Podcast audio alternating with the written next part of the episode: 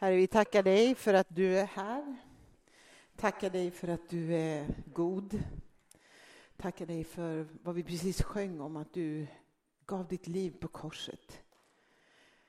Så att vi kan få försonas, så att vi kan få, få förlåtelse och vi kan få upprättelse, vi kan bli hela. Tack gode Gud för vad du har gjort för oss. Nu ber vi Gud att vi ska få lära, lyssna och få ta emot av ditt liv. Ett liv som du har gett oss i överflöd.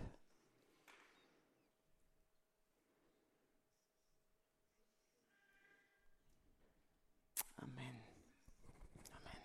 Gud är här, det känns så fridfullt och så gott. Eh, ta emot, om han rör vid dig just nu så ta emot under tiden han blir inte hindrad av att jag börjar prata och predikar. Kim Brynte heter jag, en av pastorerna i den här församlingen. Välkomna hit. Eh, och jag ska få prata om goda nyheter för sjuka, för fattiga, för alla. Gud älskar alla människor som han har skapat. Jag ska börja med en berättelse. Sommaren 2004 så var jag på, och familjen på en sommarkonferens och jag minns såklart att vi hade precis ätit lunch och jag skulle tillbaka och jag skulle få åka och lyssna på ett, eller på konferensen skulle jag få lyssna på ett seminarium om helande. Och så gör man så där man varit ute och ätit, jag går in på toaletten och där har jag en dialog med mig själv, ett samtal med mig själv. Jag undrar nyfiket, vad ska jag få höra nu? Och ännu mer nyfiket, vad ska jag få se nu? Vad ska jag få vara med om? Och så står jag och tvättar mig om händerna och liksom tittar mig i spegeln och ja men har jag något som jag skulle behöva att Gud grep in för? Och jag insåg att ja, det är klart, jag har ju min pollenallergi som var ganska tuff. Jag är allergisk mot pälsdjur och eh, hundar och katter och allt sånt där. Och eh, kraftig böjväxteksem har jag haft sedan jag var 6-7 år gammal ungefär.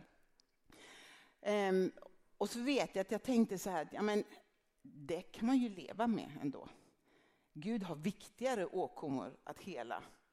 Men jag går in och är med och lyssnar och på slutet så han som talade, han var en engelsman, han får vad vi kallar för ett kunskapens ord, ett ord från Gud om någonting som Gud vill göra. Och då så säger han på engelska, there's somebody in here who has severe hay fever and a rash of some sort. Alltså det finns någon här inne som har svår hösnuva och med utslag av något slag. Och då fattar jag, eftersom jag precis har haft det samtalet med Gud innan, att det här är nog jag. Så jag går fram till honom och säger att det, det är mig du pratar om. Jag får förbön. Jag känner ingenting där och då. Eh, men jag har inte tagit en allergitablett sedan dess. Mm. Min pollenallergi var så grav eller grov att när jag, när jag vaknade så här års på morgnarna så var mina ögon helt igenkläggade. Jag liksom fick famla mig fram till badrummet för att kunna tvätta ögonen för att det var så mycket pollen som jag reagerade på. Och det gick ju inte att avgöra där och då om jag var helad eller inte, utan det tog faktiskt ett år. Ja, nästa vår så liksom bara, nej men, jag reagerar inte längre. Eh, jag är fortfarande lite så här med hundar och katter och jag, jag, tror att min allergi har påverkat mig att inte jag älskar djur. Jag ber om förlåtelse för det, men, men eh, eh, lite så här skeptisk är jag. Eh, det kommer handla om helande idag. Och jag tror att all helande är från Gud. Egentligen så är det otroligt fascinerande hur både vi, men också skapelsen, är skapad liksom lite självläkande. När vi gör illa oss, när du skär dig i fingret, liksom, så, så läker ju vi är skapta. Det är inte det att vi blöder och blöder och blöder, utan det ska ju till en ganska kraftig åkomma förrän vi behöver hjälp. Ehm, så är det ju med naturen också. Träden, om de blir skadade, så har de förmåga att självläka sig. Haven har möjlighet att självrena sig till en viss grad. Nu gör vi inte särskilt bra jobb på att ta hand om det, men det är en annan sak. Men i grund och botten är vi skapta självläkande. Och så är det ju då när Gud griper in på ett supernaturligt sätt, brukar jag säga. Och även om Gud måste använda läkare och medicin, så tittar man liksom 100-150 år bakåt, så har det hänt otroligt mycket på den medicinska fronten. Och jag vet också att det finns väldigt många kristna forskare och eh, kristna eh, läkare som är med om att möjliggöra läkare och sjukvård. Sjukvård eh, Många så här, kloster och nunnekloster var ju liksom de första pionjärer som gav sjukvård till fattiga och till människor som var sjuka eller skadade på något sätt. På de här 150 åren bakåt så tror jag också att människans livslängd har tredubblats, om jag läste rätt. Det är ganska... Jag skulle vara död nu, då. Och i många länder idag fortfarande skulle jag nog vara död nu. Ehm, det är lite hisnande. Och ändå så är det så här att när vi ser oss omkring så finns det väldigt många människor som mår dåligt på ett eller annat sätt. Det finns väldigt mycket sjukdom, det finns väldigt mycket elände som både drabbar och skadar oss. Och vi blir ju sjuka en eller annan gång i våra liv. Och är det någon gång som man behöver Gud eller som man ställer sig frågan så är det kanske när man är sjuk, när man behöver någonting som ett helande. När man ställer sig frågan, är det möjligen så att Gud helar idag?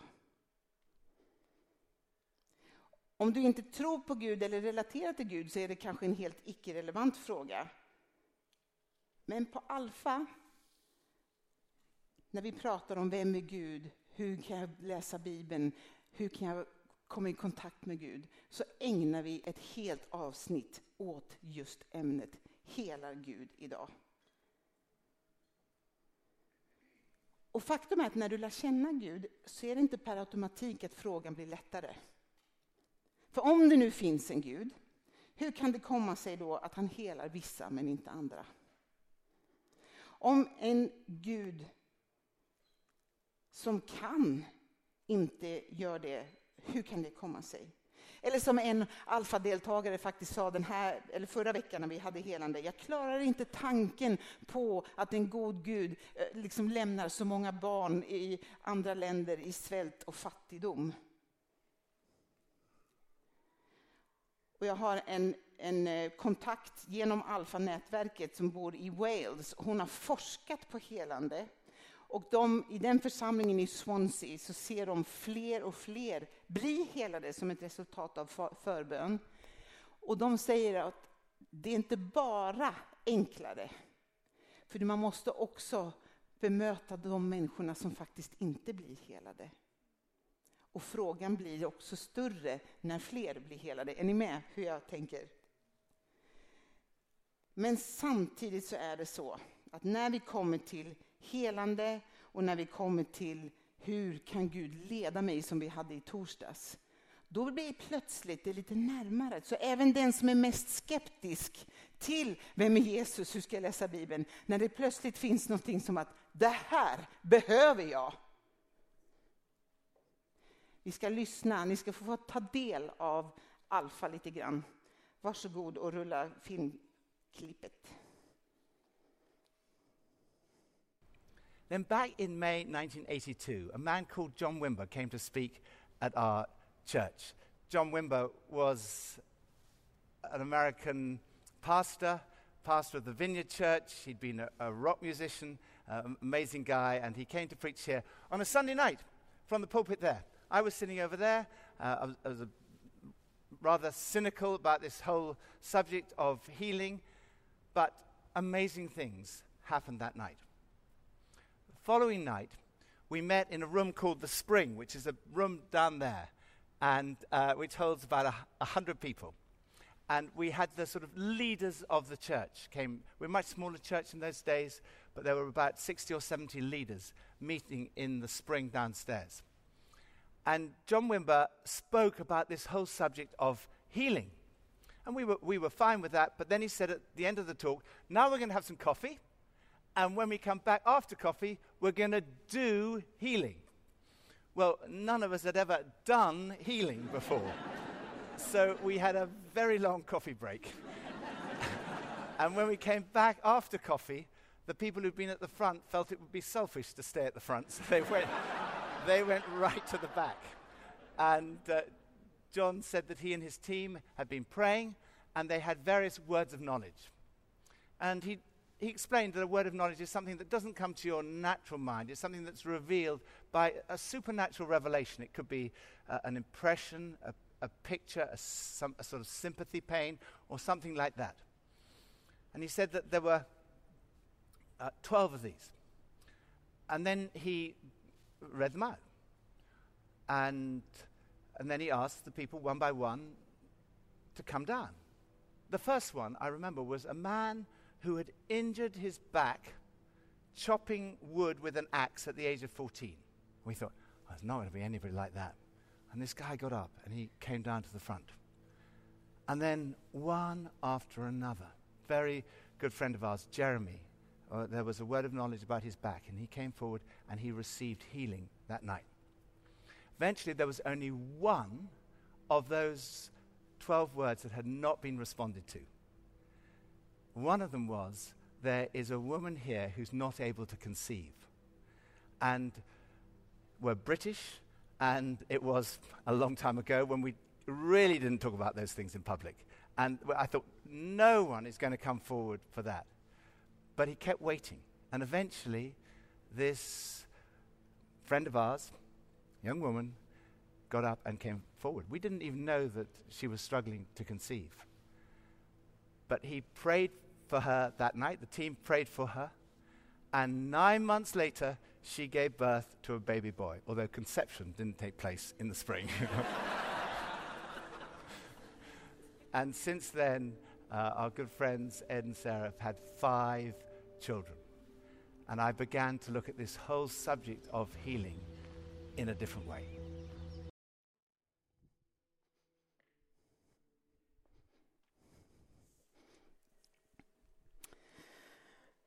På tal om barnlöshet. Vi hade en helg i Hylje park faktiskt, för jag kommer inte ihåg, sju, åtta år sedan. Ehm, så vi pratade om helig ande, vi pratade om helande även där. Och då får vi också ett kunskapens ord om ett par som brottas med att inte kunna få barn. Och jag talade ut det, det finns förmodligen någon här. Men jag gjorde inte som John Wimber här då, utan jag sa det att vänta med att komma fram och sök upp mig när vi har bjudit in till den allmänna förbönen för att ge lite, jag fattar att det kanske är lite skämmigt. Men de kom fram och jag fick be för dem en väldigt enkel bön. Och det är också en sånt där, det går inte att veta där och då om personen blir helad. Delvis för att ett sånt helande behöver lite hjälp. Ehm, men det går inte att veta. Men en tid senare så får jag detta meddelande. Hej Kim. Jag vet inte om din syster har berättat för dig, men jag tänkte att jag vill skriva till dig personligen och berätta.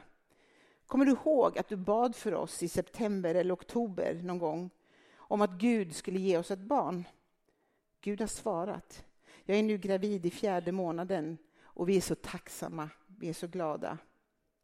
Jag var också hos en faster som bad för oss och hon var förvånad över att vi kom till henne för hjälp, för att hon hade ändå bett för oss i sin hemgrupp. Och lite märkligt att det var just den veckan vi blev gravida. Så tack, tack för förbön. Som sagt, igen ett resultat som är gott, men som man inte kan veta på en gång. När man ser Gud ingripa så växer också ens tro. Det liksom blir en visshet i ens inre. Så ytterligare några år senare så befinner jag igen på sommarkonferens där talaren också får ett ord om att någon har eh, kanske systa på sina äggstockar och kan inte få barn som ett resultat. Och jag står nedanför, typ så här på golvet och bara plötsligt så är det liksom som att min hand åker upp och jag säger kom till mig, det här kan jag be för, jag har tro för detta. Och tre par kommer fram och jag får be för tre par. Och alla blir otroligt berörda, liksom helig ande berör alla tre de här paren. Um, och ett par månader igen så får jag ett, ett annat meddelande som jag har här. Hej Kim, jag vill skriva och berätta om ett uppmuntrande bönesvar till dig. Jag vet inte om du minns på sommarkonferensen när Christy Wimber fick ett kunskapens ord om att det fanns kvinnor som hade polycystiska äggstockar och därför inte kunde få barn. Jag var en av dem som du bad för. Jag upplevde Guds närvaro väldigt starkt och det kändes som att något skedde i just det mötet med Gud. När jag och min man åkte hem från konferensen så läste jag om löftet om Johannes döparen och hur det står att Gud efter hade talat Gud hade talat till Sakarias att någon tid därefter blev hans hustru Elisabet havande. Detta en någon tid därefter tog jag till mig och kände att det var till mig. Och mycket riktigt, två månader senare upptäckte vi att jag är gravid. Jag är nu i vecka åtta, det är fortfarande tidigt, men jag vill bara tacka för förböner. Det andra paret hörde jag ingenting av förrän året därpå, då de kom fram till mig med ett litet knyte och sa, kommer du ihåg att du bad för oss? Här är resultatet. Det tredje paret har jag inte hört någonting, så jag varken kan bekräfta eller dementera att det blev ett ingripande. Visst är det uppmuntrande? Gud säger så här i Moses, Andra Moses 15 och 26. Jag är Herren som botar dig. Jag är Herren som botar dig. Det är alltså Guds natur att vilja hela. Det är, in, det är liksom hans karaktärsdrag att vilja bota, att hjälpa. Gud älskar dig och han vill att du ska vara hel. Jesus, vet ni, betyder frälsare.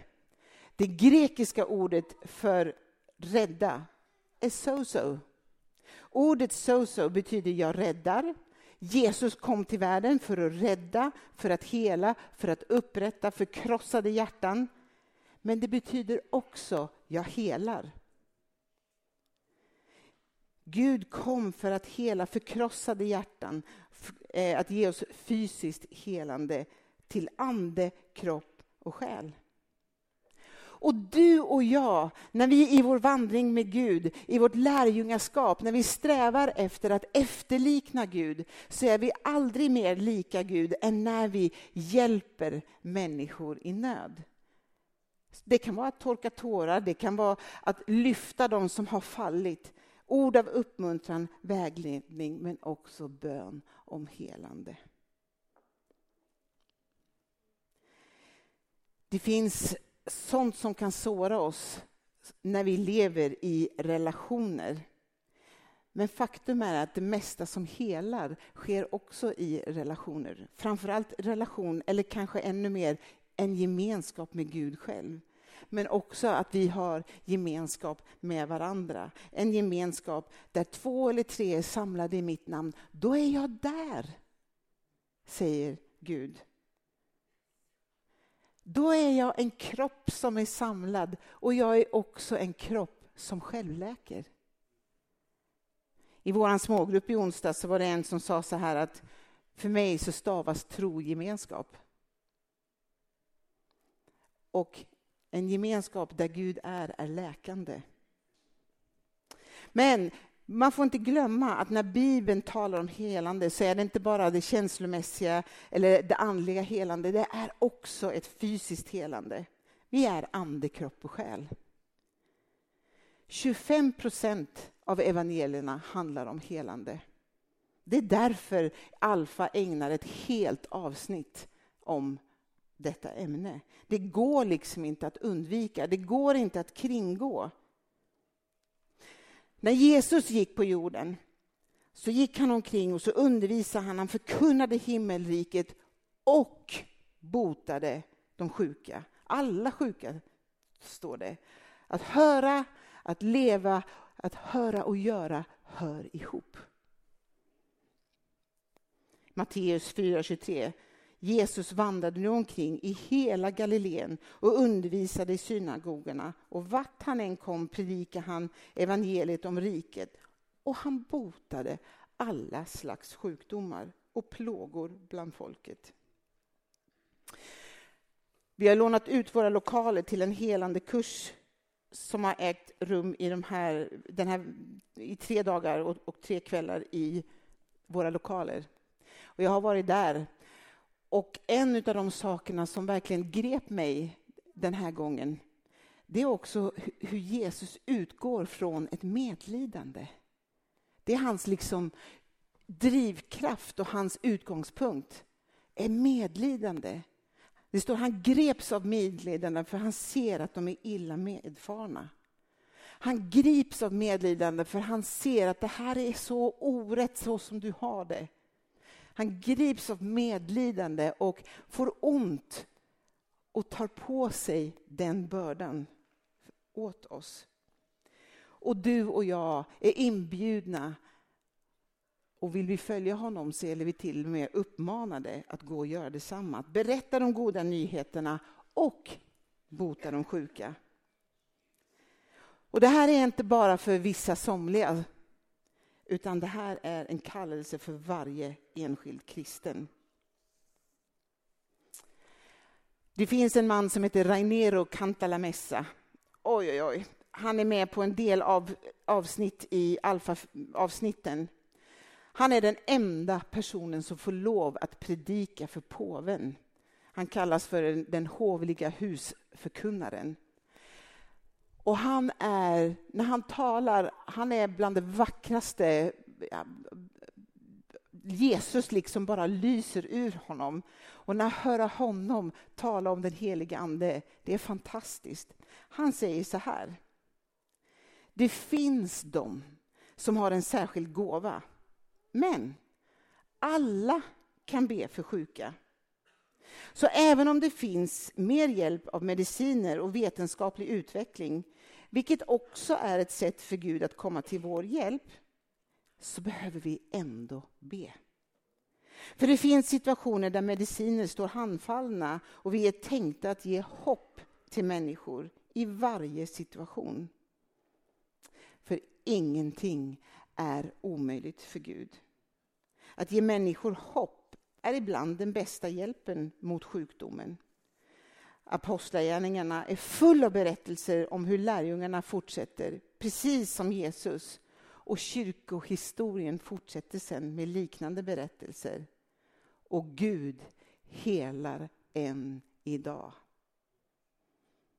Och han är en högt uppsatt katolsk eh, förkunnare. John Wimber, som då besökte Holy Trinity i London, han säger så här, om inte jag ber för någon, då blir ingen helad. Men om jag blir för många, då kanske några blir helade. Och verkligheten är att alla blir inte helade. Min pappa är ett sådant exempel. Han fick cancer i njurarna som spred sig till lungorna och vi bad väldigt mycket och intensivt det första halvåret. Men ju längre tiden gick och ju tuffare behandlingarna blev så valde han tacksamhet till livet. Och han valde också att fokusera, blicka framåt på sin evighet, sin räddning tillsammans med Jesus. Jag vet, jag frågade honom så här, kan jag läsa för dig ur Bibeln? Eh, och så svarade han, ja, du kan få läsa från andra Thessalonikerbrevet. Och det var lite, jag vet inte varför det var otippat för mig, men jag frågade honom, men varför vill du att jag ska läsa den, det brevet? Och han är engelsman, så han svarar på engelska. Då. It speaks of a time to come. Det talar om det som kommer, det som väntar honom. Och jag gjorde en Spotify-lista till honom och där fanns en gammal hymn bland sångerna som bar honom, som vi också sen sjöng på hans begravning, som It is well, it is well with my soul. Och så var det med honom. Han visste, och han var så förankrad, att det största helandet, det var hans frälsning. Han var räddad, han var förlåtad och han var välkommen in i sitt himmelska hem. Jag har redan fått den största gåvan, evigt liv. Ett fysiskt helande skulle ha varit en bonus. Lukas 10.9 står så här, bota de sjuka och säg till folket, Guds rike har kommit nära er. Guds rike, det är ju liksom en sfär där Gud och hans kraft har inflytande. En dag så kommer den vara fullkomlig och den är fullständig, där det är bara Guds kraft. Men just nu så är den inte det. Jesus kommer tillbaka och han kommer göra upp med allt det här. Vi lever i en mellantid, ett här men ännu inte. Vi får smaka som en, som en försmak av hur himlen är. Men det är fortfarande aldrig så att det inte är Guds vilja att vi ska vara hela. Det är Guds vilja och då ska vi sträcka oss efter det. Paulus han beskriver det här att vi faktiskt får vänta lite grann så här i Romarbrevet 8.23. Till och med vi som har fått Guds ande som en första gåva, eller som den här förstlingsgåvan, så våndas vi i vårt inre. Vi väntar på att Gud för alltid ska ge oss sina barns rättigheter och befria vår kropp. Det kommer att ske i framtiden när Jesus kommer att vi blir fullständigt helade, ande, kropp och själ. Det finns ett framtida rika, men en nuvarande aspekt av det som vi kan sträcka oss efter, som vi kan få ta del av. I teamet så har vi liksom utmanat varandra, uppmuntrat varandra och liksom att varje tillfälle vi hör om någon som är sjuk eller vi har ont någonstans så ber vi, för vi sträcker oss. Jonas, kan inte du berätta? Ja, eh, i, var det i tisdags eller? Ja, för eh, en vecka sedan. Då bad teamet för mig. För jag har haft ont i mina ben under ett tag. Och jag har haft lite så här eh, oro att nu börjar liksom det här eländiga. Eh, I mitt liv har jag haft ganska mycket svartiska, svastiska liksom ryck i min kropp. Så jag har också läst att när man blir lite äldre Ja. Eh, inte för att jag är jättegammal, men eh, li, li, lite gammal, så fick jag så här, nej, nu börjar det. Och så bad eh, teamet och jag tänkte faktiskt inte på det under dagen. Men sen när jag var hemma eh, dagen efter då hade all smärta försvunnit i bägge mina ben. Och tills idag, nu, nu eh, kanske jag får uppdatera dig nästa vecka. Men just nu, ända sedan den dagen, har jag inte känt någonting i mina ben.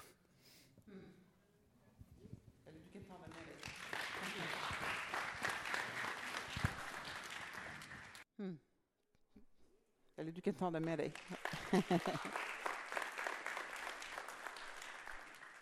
Så, hur gör vi då? Bara, det är viktigt att komma ihåg att det är Gud som helar. Det är inte vi. Eh, Kim kan omöjligen hela någon från varken bensmärta eller någonting annat. Det är Gud som gör det.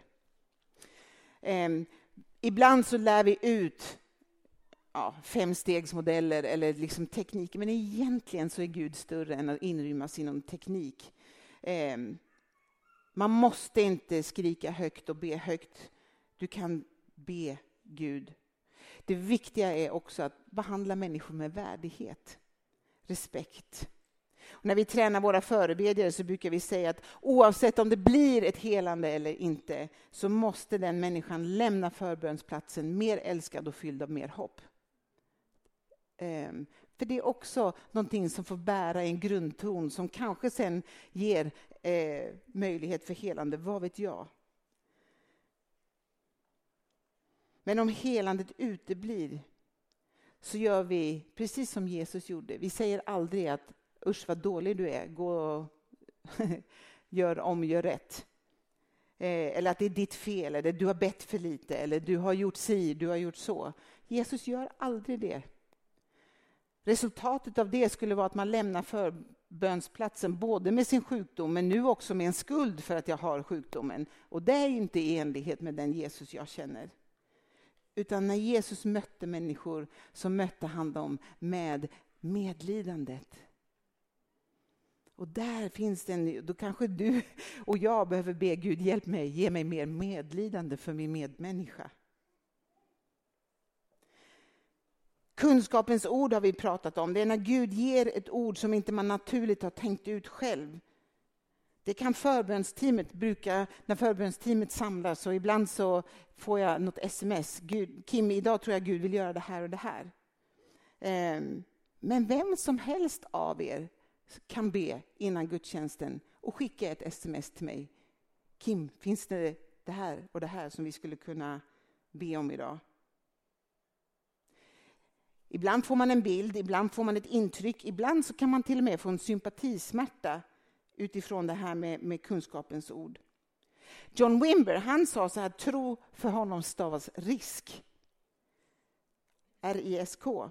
Att kliva ut ur sin bekvämlighetszon och våga be om helande för någon. Jag går till en frisör just nu. Hon är jätteallergisk. Och jag har berättat för henne att jag har blivit helad från min allergi. Och nu väntar jag bara på att, så här, får jag be för dig? Men det har inte blivit, för att ja, när jag var färdig så ska man betala och sen när då kommer in fem andra kunder. Det är ändå hennes hus och jag vill respektera så att inte jag bara dundrar på. Liksom. Och jag, klart jag kan be för henne i tysthet, men det finns också någonting av att tala ut att jag ber för dig. Och det behöver inte vara så länge. Det kan bara vara så här, får jag lov att lägga handen på dig och be för dig? Så jag har lovat mig själv nu att jag ska inte byta frisör förrän jag har bett för henne. Så det kan ni fråga mig om framåt. Um, Gud är god. Han, han liksom, eh, ger oss nya chanser och han ger oss nåd för när vi sträcker oss men, men liksom inte vågar riktigt. Um, och egentligen väldigt enkelt, fråga alltid personen, får jag lägga min hand på din axel? Var försiktig med hur och var, respektera man lägger eh, sin hand på någon. Det står i Bibeln, lägg händerna på. Eh, och därför uppmuntrar vi till det. Men om en person inte vill det, fine. Och så be kort och enkelt. Kom helig Ande, i Jesu namn. Ta bort det som gör ont. Ta bort det som, som eh, plågar. Ibland behöver man be flera gånger. Ibland Jesus bad för en man som, som var blind och så frågade han hur går det? Ja, nu tycker jag att människorna ser ut som träd. Okej, vi ber en gång till. Om Jesus behövde be två, tre gånger så kan du och jag behöva göra det. Även när helandet uteblir så är bön en välsignelse. Det är alltid en välsignelse. Det är därför jag älskar smågrupperna också, för det är en plats där man bär varandra i bön varje vecka. Fantastiskt. Um, vi ska titta på ett filmklipp till. So when John Wimber first spoke here on a Sunday night in 1982, the following night we all met in Church House over there. And again he spoke on healing, and again there were words of knowledge. And I was working as a barrister at the time. I was in my pinstripe suit, stiff white collar, and I was sitting in the front row so I could observe everything in great detail. And he said uh, there is, um, there are, this is my recollection of it, he said there are 10 people here with athlete's foot. now, I had athlete's foot, but I was not going to admit to that in, in front of all those people, or at all. Uh, and then he said, would, the, would those people like to stand? Because we'd like to pray for them. Well, one by one, they stood until there were nine people standing. I still was not going to stand. But my wife, Pippa, was sitting next to me, and she was going, that is you. And I was saying, no, no, no, no, no, no, no, no, no. somebody else. But eventually, the bruising in my ribs was getting such that I felt it would be easier, otherwise, I need to be prayed for for that as well, to stand and to sit down. So I stood, and um, uh, one of these very nice Americans came over to me and said, um, Would you like us to pray for your, your athlete's foot? I said, No, no, no, thank you very much. I said, um, Actually, I quite like having athlete's foot. it's so satisfying when you kind of rub it like that so he was very gracious, and he said to me, um, Well, what would you like to pray for? So I said, I'd like to pray for power in my ministry. So he said, Okay, well, we'll pray for you. And they just prayed for the Spirit to come upon me. And after a few minutes, all I can say is I experienced something like 10,000 volts going through my body. Extraordinary power of God coming uh, he, he, had a fairly limited prayer, this, this, this man. Um, he just said, um, more power every time. That's the only thing he ever prayed. I can't remember him ever praying anything else. And it, there reached a point where I could take it no longer, and I started saying, no more power. but that didn't seem to put him off at all. He was, he was saying more power, and I was saying no more power. And eventually there was a kind of almost a shouting match going on between us. So John Wimber, who had been obviously used to rowdy people at some of his meetings, said, uh, oh, oh, could you take that one out through them? So they carried me out, because I couldn't move. Uh, they carried me out through those French windows, and they carried me out. And out, as I was going out through the windows, I remember John Wimber saying, God is giving that person the gift of being able to tell other people about Jesus. I've often looked back to that moment because it was a very significant moment in my life. As it happened, I wasn't healed of athlete's foot at that moment, although it has cleared up since then. But I'm so glad that I was prayed for because it was an amazing experience. And since then, Pippa and I have tried to tell people about Jesus and to bring healing wherever we can. I try to pray for people like I was prayed for because I believe that God uses us today to heal people.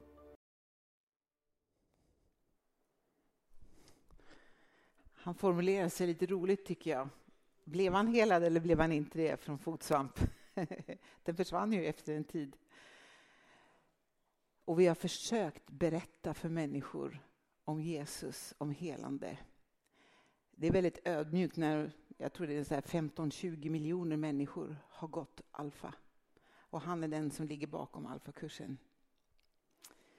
Mötet med den heliga Ande förvandlar liv, upprättar, utmanar, utrustar Nicky Gamble, men också dig och mig. Så att uppståndelsekraften, det som väckte Jesus till liv, är den kraft som bor i dig och i mig. Så att du kan få vara den personen som i din familj, på din arbetsplats, där du umgås med dina vänner, kan vara bärare av helande upprättelse för människor som du möter. Var den som ber för sjuka. Var den som kliver utanför din bekvämlighetszon. Var den som psalm 34.19 säger att var nära den förtvivlade och rädda den förkrossade. Torka tårar, lyft fallna, bryt splittring, kom helande, kom med försonande vart än du går fram.